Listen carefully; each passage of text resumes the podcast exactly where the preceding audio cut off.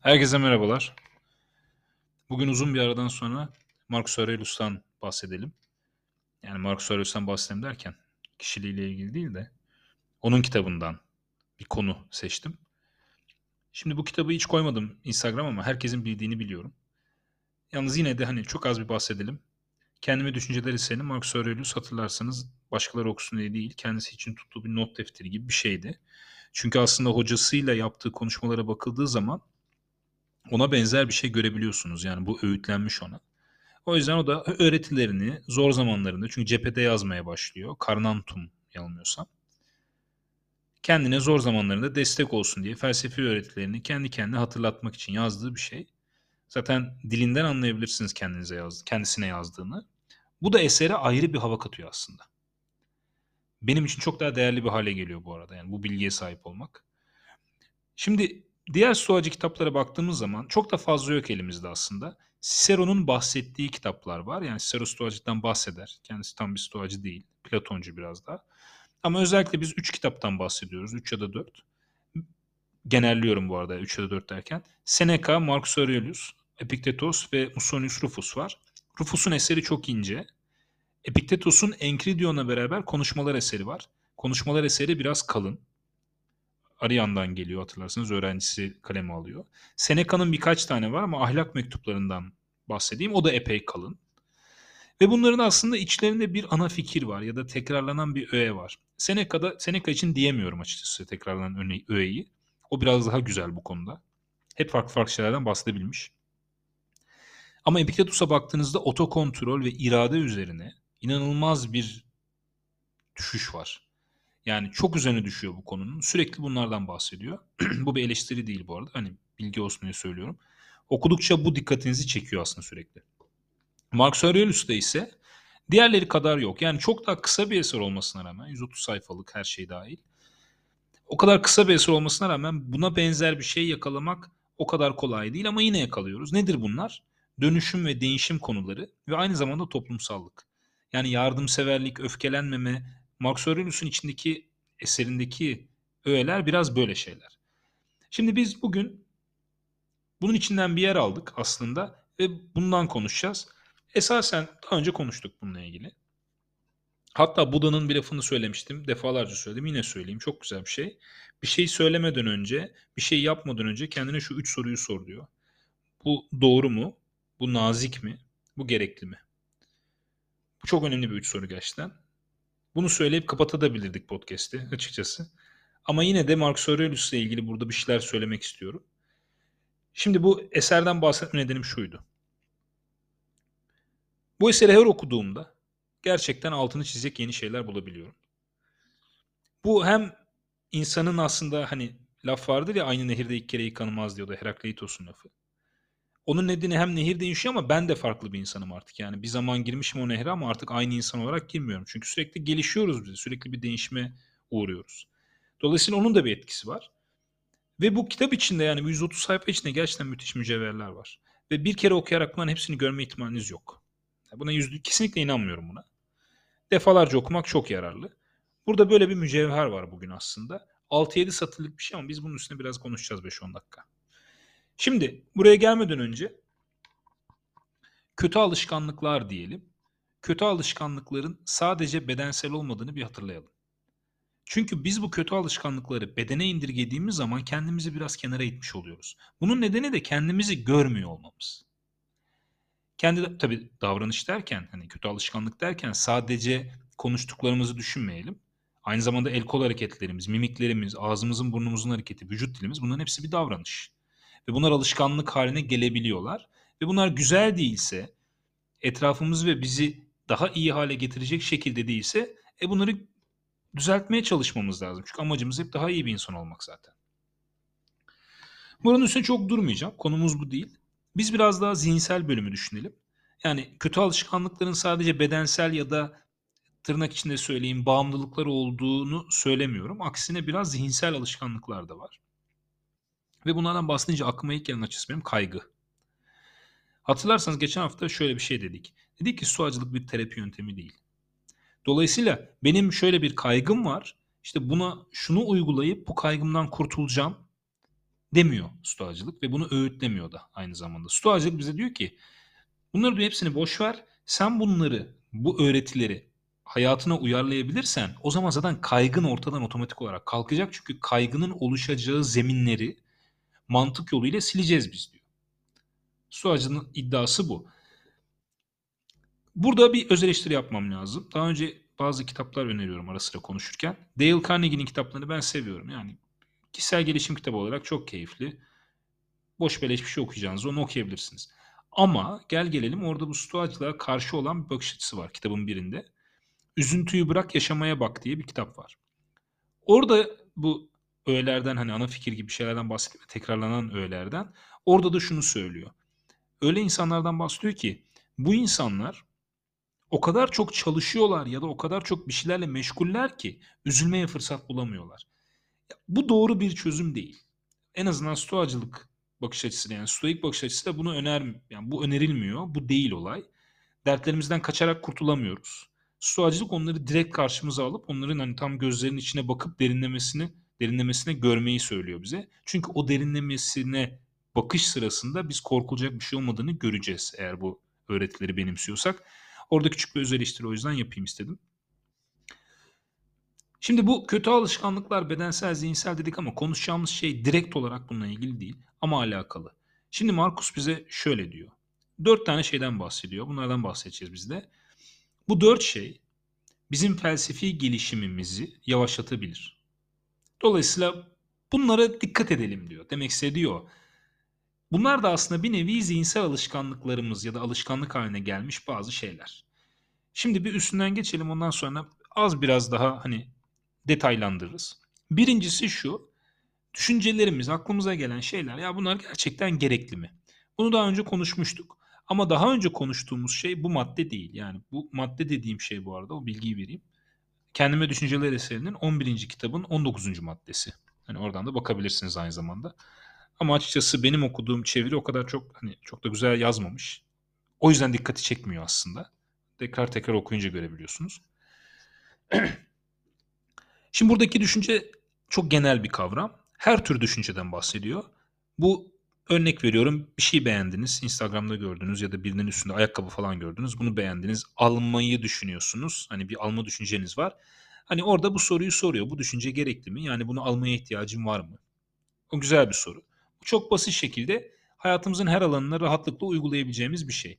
Yani güzel giysiler, güzel yemekler, başkasına söylediğimiz bir şey. Yani 5 yıl önce ben birine bir şey söylemişim mesela. E bunu üstüne düşünmek gerçekten gerekli mi? Bu bir işe yarıyor mu? Bu birinci sorumuz aslında. Ya da daha doğru tabirle buna soru demeyelim. Bu dört şey dedim ya ben. O şeylerden biri. Buna dikkat edelim. Gereksiz düşünceler içinde olabiliriz. Yani düşündüğümüz şeyler ne kadar gerekli. Bunun bir farkında olalım istiyor. Birinci şey bu. İkincisi şu. Biraz önce hatırlarsanız Marcus Aurelius'un aslında toplumsal meselelerle çok ilgilendiğini söylemiştik. Toplum derken şunu yine hatırlayalım. Top, bir millet milliyetçilikten falan bahsetmiyoruz. Kesinlikle öyle bir şey yok burada. Çünkü bu insanlar, stoacılar Sokrates ekolünden gelmeler ve dünya vatandaşı olarak görüyorlar kendilerini.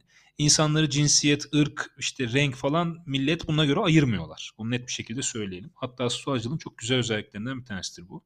İnsana insan olduğu için değer verir diğer özelliklerinden dolayı değil. Yani sen daha uzunsun, sen daha güzelsin demek ki sen daha kıymetli bir insansın. Hayır. Stoacılık böyle düşünmüyor. Dolayısıyla burada toplum derken ülke değil direkt insanlıktan bahsediyoruz. Aynı zamanda küçük çevremizden de bahsediyoruz. Yani belki bizim insanlığı değiştiremeyiz hani ama elbette ki değiştiriyormuş gibi çalışmamız lazım. O ayrı bir konu. Ailemiz bile bizim bir toplumumuz aslında. Arkadaşlarımız bizim bir toplumumuz. Öyle genelleyelim bunu. Şimdi söylediği şey şu aslında Markus'un. Bir eylemde bulunmadan önce şunu bir kendine sor diyor. Acaba bu yaptığım eylem gerçekten bu insan ilişkileri için iyi bir şey mi? Dünyayı daha iyi bir yer haline getirecek mi? Daha önce Kant'tan bahsetmiştik. Çok kısa. Çok hakim değilim Kant'a bu arada. Kendi okuduğumda kendisi de bu hani moral felsefeye kafa yormuş bir insan. Orada bir şey dikkatimi çekmişti. Onu da benimsedim. Felsefecileri de sordum. Onayladılar. O yüzden tekrar edebiliyorum rahatlıkla. Kant bir olayı yapmadan önce kendisine şunu soruyormuş. Diyormuş ki ben bu eylemi, yapmayı düşündüğüm eylemi dünyada herkes yaparsa dünya daha iyi bir yer mi olur? Daha kötü bir yer mi olur? Çok basit bir örnek üstünden yürüyelim. Yere elimdeki şeyi yere atmak istedim. Bir anlık farkındalıkla kendime bu soruyu sorduğumu düşünelim. Yani atma düşüncesine sahibim ve şimdi sorguluyorum atsam mı atmasam mı diye. Kant'ın bu tekniğini uygulayabiliyoruz hemen. Ya dünyada herkes benim gibi davranıp da elindeki şeyi yere atarsa ya dünya hani yaşanılır bir yer mi olur? Bu iyi bir şey mi? Değil. O zaman yapmıyorsun. Buna başka yaklaşımlar da getirilebilir. Ama bu bana bu kişisel fikrim çok güzel bir düşünce gibi geliyor. Aynı zamanda başka bir örnek verelim. Dedikodu. Bu konuyla ilgili güzel. Bir ortama girdiniz. Ortamda olmayan biri hakkında konuşmaya başladılar. Bu arada stoacılık övmeyi de sevmez. Yani o ortamda biri yokken onun hakkında övücü konuşmak da pek onaylanan bir şeydi. Çünkü kimsenin hiçbir işine yaramıyor. Birini övüyorsunuz. Muhtemelen biri de kıskanıyor orada yanında dinleyen biri. Bunun gibi şeyler ki buna genel olarak dedikodu diyeceğim ben şimdilik. Başkası hakkında konuşmak da diyebiliriz. Buna bir örnek. Bu insan ilişkilerini geliştirecek bir şey değil. Bu soruyu sor diyor kendine. Bu eylemi yapmadan önce bu hakikaten toplum için iyi mi? Bir şeyleri geliştiriyor mu? Ha, dedikoduyu kimle yapıyorsanız belki onun aranızdaki ilişkiyi geliştiriyor gibi gelebilir ama olmuyor biliyorsunuz. Yani eminim ki bunu dinleyen herkesin başına gelmiştir. Hatta o belki yaş tutmayabilir ama Kurtlar Vadisi'nde çok güzel bir laf vardı eskiden. İki kişinin bildiği sır değildir diye. Bunu aynı kelimelerle değil ama aynı şeyi Seneca da söylüyor bu arada. Gerçi düzeltiyorum pardon Epiktetos da söylüyor. Eğer bir şeyin gizli kalmasını istiyorsanız kimseye ama kimseye söylememeniz gerekiyor. Hani dolayısıyla böyle sır paylaşmak falan insan ilişkilerini geliştiren bir şey değil. Hani onu söylemek istedim. Yani herhangi bir eylem sosyal bir eylem mi? Gerçekten toplum için yararlı mı? Bunu da bir düşünmemiz lazım. Eğer bunu düşünmezsek, toplum için faydasız işler yaparsak o da bizim felsefi gelişimimizi yavaşlatıyor. Üçüncü olan şey şuydu. Bu söylediğim şey benim içimden geliyor mu? Ben bu maddeleri sayıyordum, saymayı unuttum galiba. Neyse dört en son gene özet geçerim. Zaten anlatarak gidiyorum. Planım öyle değildi ama konuşmaya kendimi kaptırdım. Üçüncü konu şu. Söylediğim şey içimden geliyor mu, yürekten mi söylüyorum? Çünkü biz bir şeyi yürekten yapmıyorsak, içimizden gelerek yapmıyorsak %99.9 bir menfaatimiz var demektir. Ve menfaat dediğimizde yalnızca maddi menfaat düşünmeyelim. Manevi bir menfaat olabilir. Yani sevilmek istiyor olabiliriz, onaylanmak istiyor olabiliriz, dışlanmamak istiyor olabiliriz. Ve o yüzden aslında tam da inanmadığımız ya da hani gerçekten içimizden gelmeyen şeyler yapıyor olabiliriz. E, stoik bakış açısıyla bu doğru değil. Aynı zamanda yine dediğim gibi böyle şeyler yapıyorsak felsefi gelişimimiz yavaşlıyor. Yalnız burada bir şeyi söylemem gerekiyor. İçimizden gelmiyorsa söylememeliyiz doğru. Ama bu şu demek değil. O zaman aklımdan geçen her şeyi ben nasıl olsa içimden böyle geliyor deyip söyleyemem. Niye söyleyemeyiz? Çünkü en başına hatırlarsanız Buda'nın üç sorusundan bahsettik. Ona bir kere uymuyor. Çünkü nazik mi ve gerekli mi? Aynı zamanda Markus'un da bu söyledikleri var.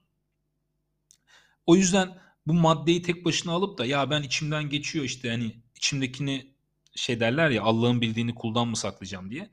E saklayın yani. Çünkü bu saklamak değil aslında bu sakınmak. Dördüncü maddede bundan bahsedeceğiz biraz. Ona bir giriş yapmış olalım öyle bağlayalım. Dördüncü madde bize şunu söylüyor. Diyor ki zihnin bedene boyun eğmemeli. Yani zihnin bedenine boyun eğerse o da senin felsefi gelişimini yavaşlatır. Ve burada bedene boyun eğmek sadece tırnak içinde söylüyorum haz mevzuları ile ilgili değil.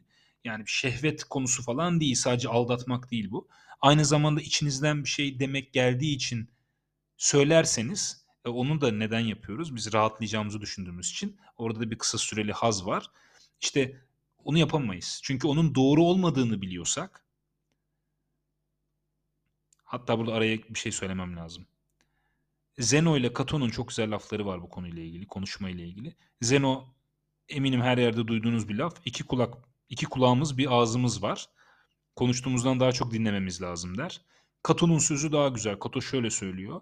Benim söyleyeceğim şey eğer söylenmediğinde eksik kalacaksa ben ancak o zaman konuşurum diye. Bu çok önemli gerçekten. Dolayısıyla ben işte aklıma şu geldi. O zaman bunu söyleyeyim. Hayır. Bunu kabul etmiyoruz. Biraz önce de söyledim. Bunu yaparsanız eğer zihnimiz bedenimize boyun eğmiş oluyor. Tabii stoik bakış açısıyla konuşuyoruz yani. Normal bir insan şunu diyebilir. Hayır kardeşim benim zihnim bedenime boyun falan eğmedi diyebilir ama stoacılık benimsemeye gayret eden biri için bunlar yapılmaması gereken şeyler. Hatta Epiktetos'un da bununla ilgili bir lafı vardı. Yani bu zihin ve beden mevzusunda biraz daha farklı. O şey diyordu. Hani bedenin bu hayata direnirken ruhun direnmemesi yüz kızartıcıdır diye. Ruhla zihin burada eş anlamlı tabii. Kesinlikle kontrolü kaybetmememiz gerekiyor. Epiktetos'un konusu da aslında hep oydu değil mi? Otokontrol diye. Otokontrolü yani sakınmayı bazı şeylerden hayatımızın merkezine gerçekten koymak zorundayız. Bunun nedeni var. Instagram'da en son paylaştığım post aslında bunu örnekti. Tabi bunu söyledim şu an zaman belirtmeden. Yani bir sene sonra dinleyince zor olacak. Neyse o posta bulmaya gerek yok da. Konu içinde şimdi ortaya çıkacak zaten. Şimdi bizim aslında hayatımız anlardan ibaret. Şunu demek istiyorum. Yapılan bir yanlış gerçekten bir doğru götürmüyor. 50 doğruyu birden götürebiliyor. Bu genel bir tabir. Buna aksi örnekler bulabilirsiniz. Oraya çok girmeyelim. Konu uzamasın. Ben şöyle bir örnek vereyim. Karşınız evlisiniz diyelim ya da sevgiliniz var. 50 kere aldatma fırsatı çıktı önünüze. 50'sini de aldatmadınız, başardınız. 51. de aldattınız. Sizce karşınızdaki insan ya da siz karşınızdaki size bunu yapsa ya bir kere aldattın ama 50 kere de aldatmamıştın der misiniz? Hayır. Dolayısıyla hayatta bazı kararlar, bazı yaptığımız şeyler kısa küçük bir an için geriye dönük her şeyi silip atabiliyor. Böyle bir riski var. Her konu böyle değil. Yani mesela içki konusundan konuşabiliriz. Siz dersiniz ki ben bir kadeh içeceğim. İkinci kadehi içmek istersiniz. Orada bedeninize boyun yani beden derken oradaki hani istek olarak düşünün. Ona boyun eğerseniz e, geçmişte yaptığınız her şey silinmez elbette. Ama yavaş yavaş insandan bir şeyler alır bu. Stoacılık bunu çok sevmez. Bunun bir yöntemi, bunlara karşı koymanın bir yöntemi kesip atmaktır. Zararlıysa hiç yapmazsınız. Çünkü söyler hani geçen hafta biraz bahsettik ya bağımlılıktan. Hazır değilse muhtemelen hiç bulaşma der. E, çoğumuz da değiliz açıkçası yani. Belki aramızda olanlar vardır ama hani bence bir çoğunluk olarak çoğumuz bizi haz olarak ele geçirme ihtimali olan şeylere karşı çok dirençli değiliz. Çünkü kaybedebiliyoruz kendimizi. Ve şunu unutmayalım. İnsan her anında aynı hissetmiyor. Bazı şeyler üst gelebilir. Yani hep söylüyorum ya mutluyken alınan kararlarla mutsuzken alınan kararlar aynı değildir. Hatta psikolojide vardır ya açken markete gitmeyin derler. E, insanı sonuçta bunlardan etkileniyoruz. Bizim amacımız etkilenmemeye çalışmak. O yüzden de zihnimiz bedenimize boyun eğmemeli. Bu market örneği güzel oldu. Açken de markete gidiyorsanız yine gereğinden fazla almamaya gayret etmeliyiz.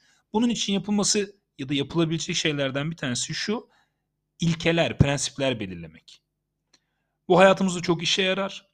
Bir kurala bağlı yaşamak kötü bir şey değil. Disipline etmek için iyi bir şey. Hatta hep söylüyorum ya aslında dinin görevlerinden biri de budur. Ama tabii insanlar sağ olsun hani merkezinde insan olduğu için sonuçta bir şekilde evirip çeviriyorlar öğretilerin hepsini. Aslında bu öğretilerin hepsinin amacı odur. Örneğin ama yok örneğe gerek yok. Bu dört madde bu şekilde. Hemen bir üstünden geçmek istiyorum çok zaman almadan. 15 dakikada limitlemek istedim ama yine 18 dakika oldu. Dört maddemiz şöyleydi. Ki bunu düzelterek tekrar edeyim. Bunlar aslında dört madde, dört kural değil. Aurelius diyor ki bu dört şey var. Böyle bir, bu dört şey bizi yavaşlatır diyor.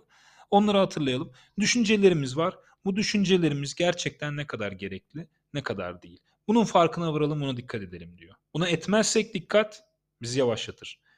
Sahip olduğumuz düşünceler ya da yapacağımız, yapmayı düşündüğümüz davranışlar sosyal davranışlar mı? Yani toplumun iyiliği için mi? İnsanların ilişkilerini geliştirebilecek, bizi ileri taşıyacak şeyler mi? Eğer böyle değillerse bu bizi yavaşlatıyor. Söylediğimiz, yaptığımız şeyleri içimizden gelerek mi yapıyoruz? Refleks haline mi gelmiş? Yoksa bir şekilde başkalarının onayını almak için ya da her neyse bir şekilde bizim maddi manevi çıkar gözettiğimiz, çıkar amacıyla yaptığımız şeyler mi? Ya da düşündüğümüz şeyler mi? Eğer öyleyse bu da bizi yavaşlatıyor. Son olarak da zihnin bedene boyun eğmesinden bahsettik. Bu tek başına uzun uzadıya da konuşulabilecek bir konu zaten. Bundan da bahsettik yeterince. Özetle aslında hani daha modern bir tabirle kısa vadeli, kısa süreli hazlar için bu zamana kadar yaptığımız şeyleri riske atmamaya çalışalım. Bizim zihnimiz sürekli kontrol altında tutmalı bedenimizi ya da bedensel davranışlarımızı. Ama şunu da hatırlayalım. Düşünmenin tabiri caizse günahı yok. İş uygulamadadır her zaman. Ama hani stoacılık şunu da söyler. Güzel düşünmenin de sevabı yok. Onları da uygulamak gerekiyor. Bizim felsefi görüşümüz uygulama üzerine. Hani pratik bir öğreti bu. Bugünlük bu kadar. Haftaya görüşmek üzere.